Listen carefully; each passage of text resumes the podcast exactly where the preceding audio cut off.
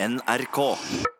Og I starten av programmet i går Skjæveland, så gikk du veldig høyt ut. Ja. Bokstavelig talt. Ja, jeg gjorde det, for jeg, eh, i og med at eh, Gud hører på P1, eh, for Gud får jo med seg alt, så kom vel jeg med en innstendig oppfordring til Gud eh, om å sende Jesus tilbake på høsten.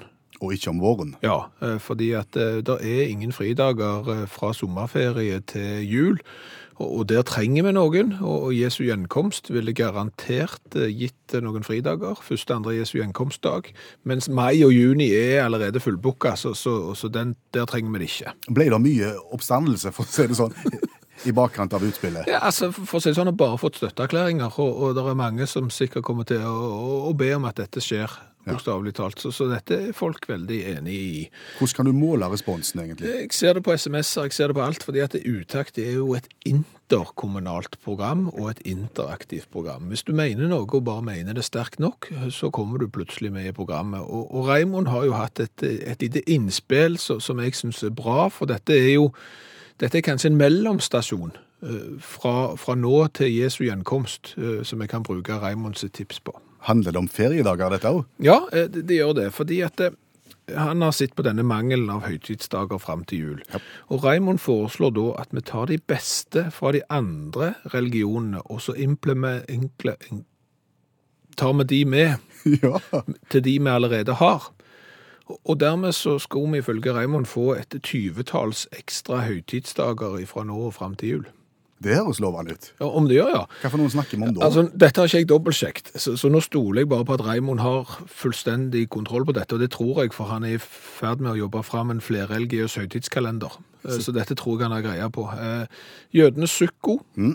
løvhyttefesten kunne vi tatt med, eh, bahaienes babs eh, fødsel, Babs fødsel? ja, eh, buddhistenes eh, pavarana, som da er avslutningen på regntidssesongen i oktober, og det er mange, mange flere. Hvis vi hadde begynt der, for eksempel, og fått de inn, og brukt de sammen med, med de vi allerede har, så mener Raymond at vi også hadde vist at vi var et veldig inkluderende eh, samfunn. Det er klart, noen vil jo gjerne si at den inkluderingen der ikke kom uten baktanker, men det får så være.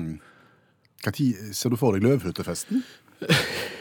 ikke greie på, på løvehyttefesten, men vi, tar den når den tid de kommer. kommer. Babs fødsel òg den, men vi ser hva som skjer. Det lukter Melodi Grand Prix. Ja, det lukter det. Eller Parti Grand Prix. Eller Parti Grand Prix. Parti Grand Prix. Ja. Ja. For vi ble jo sittende på eh, kontoret vårt eh, her rett før helga mm. og, og se litt på valgkampen og se litt på partiprogrammene til de forskjellige partiene i Norge som stiller. ja. Og da slo det oss at eh, de fleste partiene har en overskrift, et slags slagord i forbindelse med valgkampen og partiprogrammet. En overskrift. Ja, og, og, og den overskriften, når du så ser de nedover sånn, så ser det ut nesten som sangtitler. Altså, det er, noe veldig lyrisk over de. De er korte, de, de er fundige. Liksom Senterpartiet, ta hele Norge i bruk, ta hele Norge i bruk. Sant? Du ser at den, Alle skal med, alle skal med, Ja. synger Arbeiderpartiet. ja, på lag med framtida. Sant? Det er venstre Ta vare på framtida, synger De Grønne. Ja, der, så, vi tror på Norge. Vi tror på Norge, sa han Høyre. Det, er en musikalitet, gjerne ikke vi fikk fremstilt den skikkelig nå, men, men det er en musikalitet i disse valgkampslagordene. Og det var det som ga oss ideen. Går det an nå, selv om det er kun kort tid igjen til valget, å utfordre partiene, partiorganisasjonen, om å skrive en bitte liten sang basert på slagordet? Ja. Vil de kunne klare det fram mot valget 11. september? Ja, og det er jo ikke sånn at vi ser for oss at f.eks. for eksempel Vi tror på Norgesangen til, til Høyre, at eh, Erna Solberg avlyser en hele dag i valgkampen fordi hun skal gå i studio og så synge Vi tror eh, på Norge. Men vi tenker at det er krefter innad i partiene som er musikalske, som er medlemmer av de enkelte partiene, som sympatiserer med dem, og som, som kunne stått for den sangen. Burde være mulig. Mm. Så vi sendte jo ut en åpen invitasjon til samtlige partier som, som forsøker å komme seg inn på Stortinget, Ja. og vi har fått svar. Ja, Frp sa nei. Ja, med en gang. Ja, med en gang. Så var det en god del som sa ja, det skal vi forsøke å få til. Mhm. Så ringte vi til Senterpartiet. Ja, vi ringte til en stortingsrepresentant for Senterpartiet. Han sa kan skynde vi skal være med på det, og vi kommer til å vinne. Ja, han var veldig oppesen. Ja. Kjempekjekt, tenkte vi. Så hørte jeg ikke mer. Så ringte jeg opp igjen til samme mann tre dager etterpå. Da fikk jeg beskjed om å ringe ledelsen i partiet. Ja. De sa nei. Ja, så Frp og Senterpartiet har sagt nei, men, men de andre er jo virkelig eh, på gang. Noen jobber hardt med saken, og, og andre har sågar allerede sendt oss sitt eh, forslag til Parti Grand Prix-sang. Ja. Eh, Nå er som sagt de andre partiene i prosess, og vi satser på at det kommer leveranser i løpet av uka dersom de holder det de lover. Ja. Og opplegget videre da? Da er det sånn at vi, vi trekker ut eh, to og to sanger mm. som møter hverandre til duell. Eh, Du som hører på utakt, eh, du uavhengig av hvor du står eh, rent partimessig, må være i stand til å se er dette et artig lite musikalsk håndverk. Og så stemmer vi. Og til slutt, før eh, stortingsvalget, så, så skal vi ha en eh, finale, og vi sitter igjen med et parti som kan krone seg som Parti Grand Prix-vinner i utakt. Ja. Og det som blir veldig veldig interessant etterpå det, tenker jo vi da, det er å speile valgresultatet mot Parti Grand Prix-resultatet. Absolutt, og jeg tror at Frank Aarebrot eh, kommer til å komme tilbake i manesjen og, og rett og slett konkludere med at det viser seg at valgresultatet i Parti Grand Prix og stortingsvalget de, de er veldig like. Så kanskje i framtida så, så lager vi bare en sang med et slagord og med politikken vår inni der, og så går vi til valg på den. Dere som er i prosess, partier, lykke til videre. Fortsett å jobbe og send oss bidraget så snart det er ferdig. Til Fremskrittspartiet og Senterpartiet som har trukket seg. Ja. Det er lov å snu. Det er lov å snu. Det er sikkert noen musikalske folk i Frp og Senterpartiet også kunne klart å få til en eh, sang. Husk, innleveringsfristen er på søndag.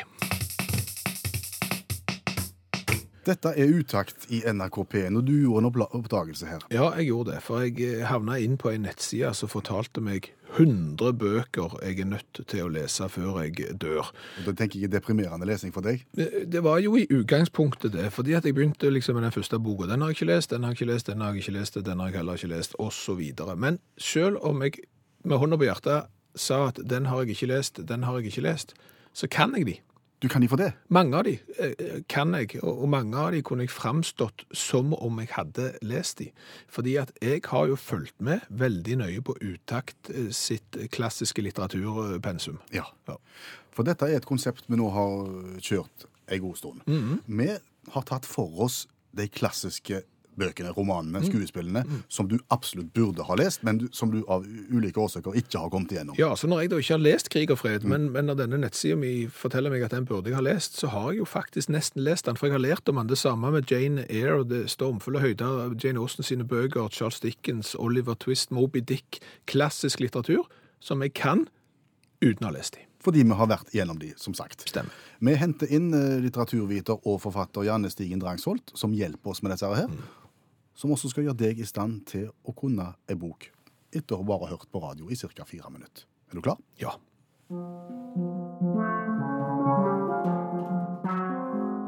Ernest Hemingways 'Den gamle mannen og havet' fra 1952.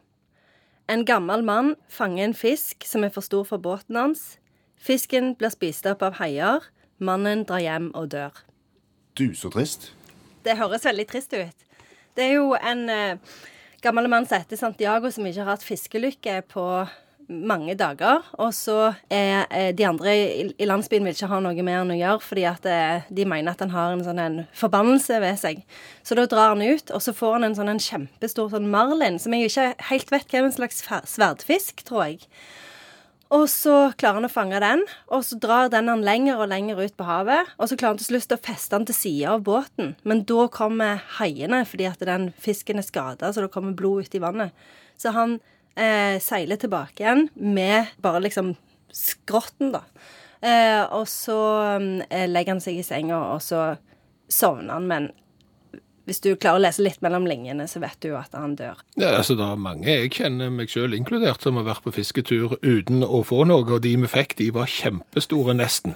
ja, nemlig. Så her, her kjenner vi oss igjen. Ja, og, så, og det, tror jeg, det tror jeg Hemingway har hatt i tankene, for han lar han jo dra igjen med liksom fiskeskjelettet, da. Sånn at det ligger igjen på stranda, så folk får, jo en sånn Å ja, men han fanget jo en kjempestor fisk. Altså, de, han syns sikkert såpass synd på han fiskeren at han ikke ville la han liksom bare sitte igjen med en sånn fiskeskrøne, da. Men jeg har jo aldri følt meg eh, på en måte sånn at jeg har blitt skvisa ut av lokalsamfunnet Ålgård fordi jeg ikke har fått fisk i, i Øygardsvatnet. Så, så dette er jo på en måte en historie jeg ikke klarer å kjenne meg igjen i. Nei, for det er på Cuba, og der har de tydeligvis litt mer sånn strengere regler for eh, ulykke og, og ulykke. Så dette her heter salao. Det er liksom den verste form for ulykke. Så han er stempla som salao. Så at når han kommer nedover gata, så er det sånn åh, salaoen, hold dere unna. Mannen som ikke får fisk. Men poenget til Hemingway er at det, det er ikke alt tap som er tap. Selv om han mister denne fisken, han klarer ikke å ta den med seg hjem og gi mat til landsbyen sin, så har han på en måte vunnet likevel. Men, men trengte han egentlig å dø? Kunne ikke det endt godt, dette? Jo, men det endte på en måte godt, fordi at han eh, fikk han, Altså, Hemingway har Dette er den siste boka som Hemingway skrev, og han fikk Nobelprisen for den, og han begynte å bli gammel sjøl. Og eh, dette handler om å bli gammel og behovet for å føle seg nyttig, så han har på en måte klart å oppnå det han skulle, så han, det er greit for han å dø. Så det ender på en måte godt. I hvilke miljøer bør vi brife med at vi har lest 'Den gamle mannen og havet'? Den gamle mannen og havet er ganske tynn, så jeg tror aller mest eh, machomenn. Altså Selv om Den gamle mannen og havet er en symbolsk fortelling, så er Hemingway veldig sånn rett på sak. Han driver ikke og danderer språket sitt med blomster og rosa. Han er liksom bare forteller akkurat det som skal fortelles. Så det at det, jeg tror det er en del sånn machomenn som, som kjenner seg igjen i Hemingway, og som vil sette pris på at du har lest liksom ei bok av Hemingway. Men du sier han er ganske kort. Hvor, hvor mange sider er det for å få denne her fisken i, i land? Han er rundt 100 sider. Han er liksom akkurat en roman. Det er jo hefte. Ubegrenset. Brosjyre. Ja, pamflett. Men den er bra. Så kanskje det er en av de tingene som en ikke trenger skryte av, at han leser, kan faktisk lese den òg. OK. Noen sitater vi skal ta med oss? Ja, det har vi. Dersom man uttaler en god ting, så inntreffer den kanskje ikke. Så hvis du sier det høyt, så skjer det kanskje ikke. Litt sånn overtroisk. eh, Det, det syns jeg det kan være nyttig i mange sammenhenger. Oppsummert, en bok for deg, Skjæveland. En bok for machomenn. Ja, absolutt. Ja, for jeg tenkte litt på deg. For du har jo en sånn eh, skjegg på gang, og Ja. ja, du har jo fiska og Ja, så jeg tror kanskje du burde rett og slett eh, Jeg har fiska i Ja. hele sommer. Ja, Og vet du hva, hvor mange fisk jeg fikk? Ganske mange ganske store. Jeg fikk én fisk, og, og den var 7,5 centimeter. Så den ikke fullt så gamle mannen i innsjøen med den lille fisken ser paralleller til den gamle mannen og havet og den store fisken. Og så skal du aldri si at Liverpool kommer til å vinne Premier League. Vet du hva, Dette er så fantastisk. Livsvisdom her og nå. Tusen takk, Janne Stigen Drangsvold, prisvinnende formidler, forfatter og litteraturviter. Look to Qatar. Til golfstaten Qatar. Ja, look to Qatar. Kan være med på den. Ja, Qatar har gitt oss utrolig mye tøft. har du det? Ja, jeg husker Ove. Hvor kommer Ove inn i dette? Ove, Ove var, bodde i Qatar på 80-tallet sammen med sin norske familie. Okay. Og når Ove kom hjem fra Qatar, så Ja. hadde han jo med seg ting vi aldri hadde sett før. Ja, Øye-Qatar. Øye-Qatar, eh, brusmaskin. Oi, hadde han med det? Ja, har aldri sett det før. Videomaskin, hadde Oi. ikke sett det før. Ja. Bordtennisbord, gudene vet hvordan de fikk det med på flyet. Eh, klokker, tøffe klokker, kvartsur vi ikke hadde sett før. Qatar hadde alt. Qatar var et forjettet land. Ja, ok, jeg skjønner hva du mener, men, men det var for så vidt ikke det jeg tenkte på når jeg sa lukt til Qatar, fordi det, det er ikke alt Qatar driver på med som, som du har lyst til at den norske staten skal eh, kopiere. Sant? De skal jo ha fotball-VM blant annet. Ja. Det bør vi ikke ha i Norge. De svir av en haug med penger på å bygge stadion midt i eh, 70 graders varme, og skal kjøle de med aircondition, arbeidsforhold for eh, alle de som jobber der er forkastelige, folk eh, dør, så, så det er ting eh, Qatar ikke gjør. Men, men det jeg syns at eh, Norge kanskje kunne lukt to Qatar for, det er jo dette med, med pengebruk på fotball. Det var nettopp det du sa. Ja, ja, men ikke sånn pengebruk på fotball. Altså, Oljefondet vårt, for eksempel. Ja. Det står i VG i dag en sak om det. Det er jo på ca. 8000 milliarder kroner. Det er en skvett. Ja. Eh, Og så har Qatar eh, funnet ut at eh, du, nå skal jo vi ha fotball-VM. Skulle ikke kjøpt han der den brasilianske fotballspilleren Neymar. Hvor mye skal de ha for han? Noen milliarder går vel greit. Altså, det er jo lommerusk i den store sammenhengen. Så kjøper de Neymar for, for en hel haug med penger, og så kommer trikset. Så eier de òg en fotballklubb som heter Paris Saint-Germain. Og så, så låner de på en måte han spilleren de har kjøpt til sin egen eh, klubb, og så, så får de mye oppmerksomhet, og så har de et eh, topplag. Og igjen, oljefondet vårt er på ca. 8000 milliarder kroner, Neymar koster to. Det er 7998 milliarder igjen hvis du kjøper Neymar. Ja, men du må jo kjøpe en klubb i tillegg. Ja, ja. Skal, skal oljefondet kjøpe klubb? Ja, det er lukt og Qatar. Jeg synes at oljefondet, den norske staten, bør kjøpe seg en ordentlig fotballklubb. Hva skal vi med det? Hva skal vi med det? Ja, hva Altså, hvis du husker godt etter, så for noen år siden så, så var jeg eh, fotograf og lagde en dokumentar om en eh, fra, fra Stavanger som blant annet eide en VIP-boks på Old Trafford i, i Manchester, altså Manchester United sin hjemmebane. Ja. Han brukte den seg sjøl. Oh. For det var ikke tøft å sitte der og se fotball. Det var rett og slett litt dørgende kjedelig bak glassvinduene. Men det å kunne si at du har en VIP-boks på Old det er det som smeller. Sant? Og det er her det kommer inn. Det har ingen hensikt, men, men det er utrolig tøft å bare eie en toppklubb. Norske staten eier jo deler av Regent Street. De har kjøpt, oljefondet har kjøpt seg opp i, i, i bygningsmasse i USA og alt. Sant? Kan du ikke bare kjøpe en fotballklubb fordi det er tøft? Det er jo mye penger igjen. Ja, Men du skal vel ha en viss fotballmessig kompetanse òg, da? Hva da for? Du skal kjøpe og selge spillere, og f.eks. vurdere om du skal kjøpe Neymar til klubben din? Ja, men det blir jo ikke sånn at Siv Jensen, som sitter som, eh, som finansminister, gjerne ikke om en stund, men, men iallfall foreløpig, det er jo ikke hun som skal, skal sette opp laget her. Nei. Altså her bare kjøper du, og så gir du frie tøyler. sant? Vær så god, vi har 8000 milliarder på bok, gjør hva dere vil. sant? Skap et topplag på tre kvarter. Hvor skal vi kjøpe laget? Altså sånn, hvis jeg fikk bestemme, Ja. så hadde vi kjøpt Tottenham da. Vil. Du, ja, OK. Ja, er det viktig at det skjer i England, dette her?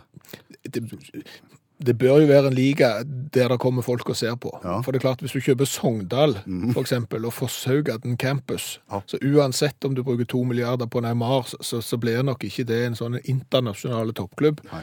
Eh, Så, så du bør nok ha en liga der folk er interessert i å komme og se, og der okay, du da- kan selge litt drakter. Sånn, du trenger jo ikke tape alle pengene, du kan jo få noen igjen òg. Ok, Så da snakker vi egentlig Spania, Tyskland eller, eller England? Ja, og, og sier vi England eksempel, vi har jo sterke røtter i England, det er vi som på en måte har grunnlagt England, og, og York har jo ikke så mange... Ja, altså Hvis vi ikke kjøper Liverpool Ja. eller Tottenham, Nei, så kunne vi kjøpt York. ja, York er jo langt, langt, langt langt, langt ned i systemet. sikkert. Kjøper vi York, og så, så kaller de meg for New. For New York. Det er brukt, tror jeg. Ok, Brand New York. Brand New York har du. Og så spytter vi inn noen milliarder, og så, og så rykker de fort opp i systemet, og så vinner de Premier League og Champions League i, i løpet av de nærmeste fem åra. Du skulle kjøpt en spiller, og da Allan Neymar som skulle, kunne spilt på York. Alla Neymar, ja. Eh, John Carew.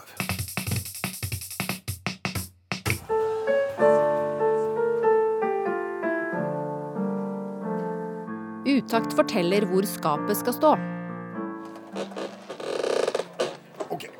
Hvor skal du ha det? Jeg Skal ha det på den hvite veggen der, og jeg skal prøve å få det sentrert mellom de to vinduene der borte. Jeg vet ikke om du... Her, her omtrent? Nei, nei, nei, nei, det er ikke senter nå. Bak eller fram? Nei, du må jo inntil veggen. Ja. alle skap må jo stå inntil veggen. Du kan jo ikke sette det midt på gulvet. Du må skyve det inntil veggen. Ja. Det er ikke senter. Ja, men det er tungt. Ja, jeg vet det er tungt, men det er jo derfor du står har fått hjelp til å bære. Du må få det litt, litt mer til venstre. En tøddel, en liten tøddel. Litt til. Der. OK. Nei, nei, nei, forresten, det er ikke helt. Bitte litt, bitte litt tilbake igjen mot høyre. Bitte litt tilbake mot høyre. Der. Nå er det senter. Nå er det midt i Ja, nå ser det fint ut. Takk skal du ha. Da setter jeg ned. Det sklei på en måte inn i, i resten av Ja, nei, det, det kledde rommet, ja. Det, det gjorde det.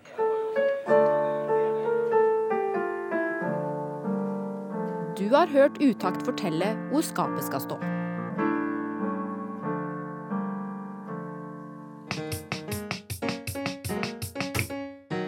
Hvorfor har kua ofte ei bjelle rundt halsen? Fordi hornet ikke virker.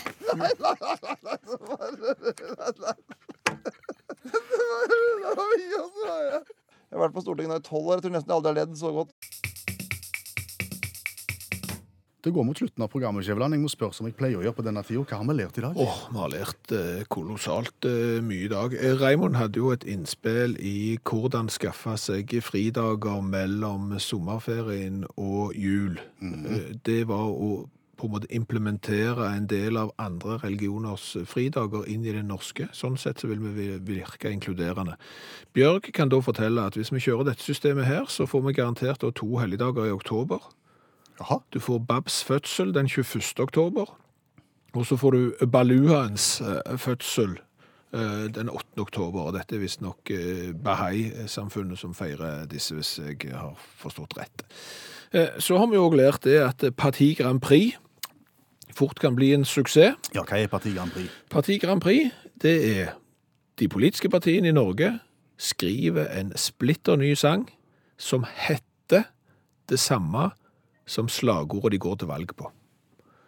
Og dermed så er mange partier i gang. Det er to partier som har sagt nei, men jeg har fått eh, støtteerklæringer her på SMS fra andre partier om at eh, vi skal være med. Bare dette må vi få til. Så vi får se hva som skjer. Så har vi jo lært litt om Den gamle mannen og havet av Ernst Hemingway. Det er ikke den tjukke boka. Det er en veldig tynn, liten bok. Det er nesten som en pamflett, et hefte, nærmest en brosjyre. Så den anbefales alle å, å lese, for den tar så kort tid. Men, men du, jeg har lært noe mer, jeg. Fortell. Jeg har jo blant annet lært eh, at oljefondet vårt er på 8000 milliarder eh, kroner akkurat nå, og at vi kanskje da som eh, stat med mye penger burde ha sett litt grann til Qatar. For Qatar også har mye penger på bok, så de velger jo da å kjøpe seg eksempel en fotballklubb, Paris Saint-Germain. Så kjøper de en dyre fotballspiller som heter Neymar for to milliarder eh, kroner. Og det blir lommerusk hvis du ser på det norske oljefondet, som har 8000 milliarder eh, kroner på bok. Vi kjøper oss en fotballklubb, og så får man opp i systemene, og så er det sånn at vi bare sier ja, hvorfor har dere gjort det? Eh, Fordi vi kan, og fordi det er tøft. Og laget er, som vi vil kjøpe, Vi velger altså York. Gamle York. Ja, Så kaller vi det for. Brand New York, for New York er opptatt. Per Øystein Kvindesland heter jeg, Bjørn Lars Skjæveland heter jeg. og vi lager utakt hver dag på denne tida. Nå får du Dagsnytt med siste nytt om Johaug-saken. NRK.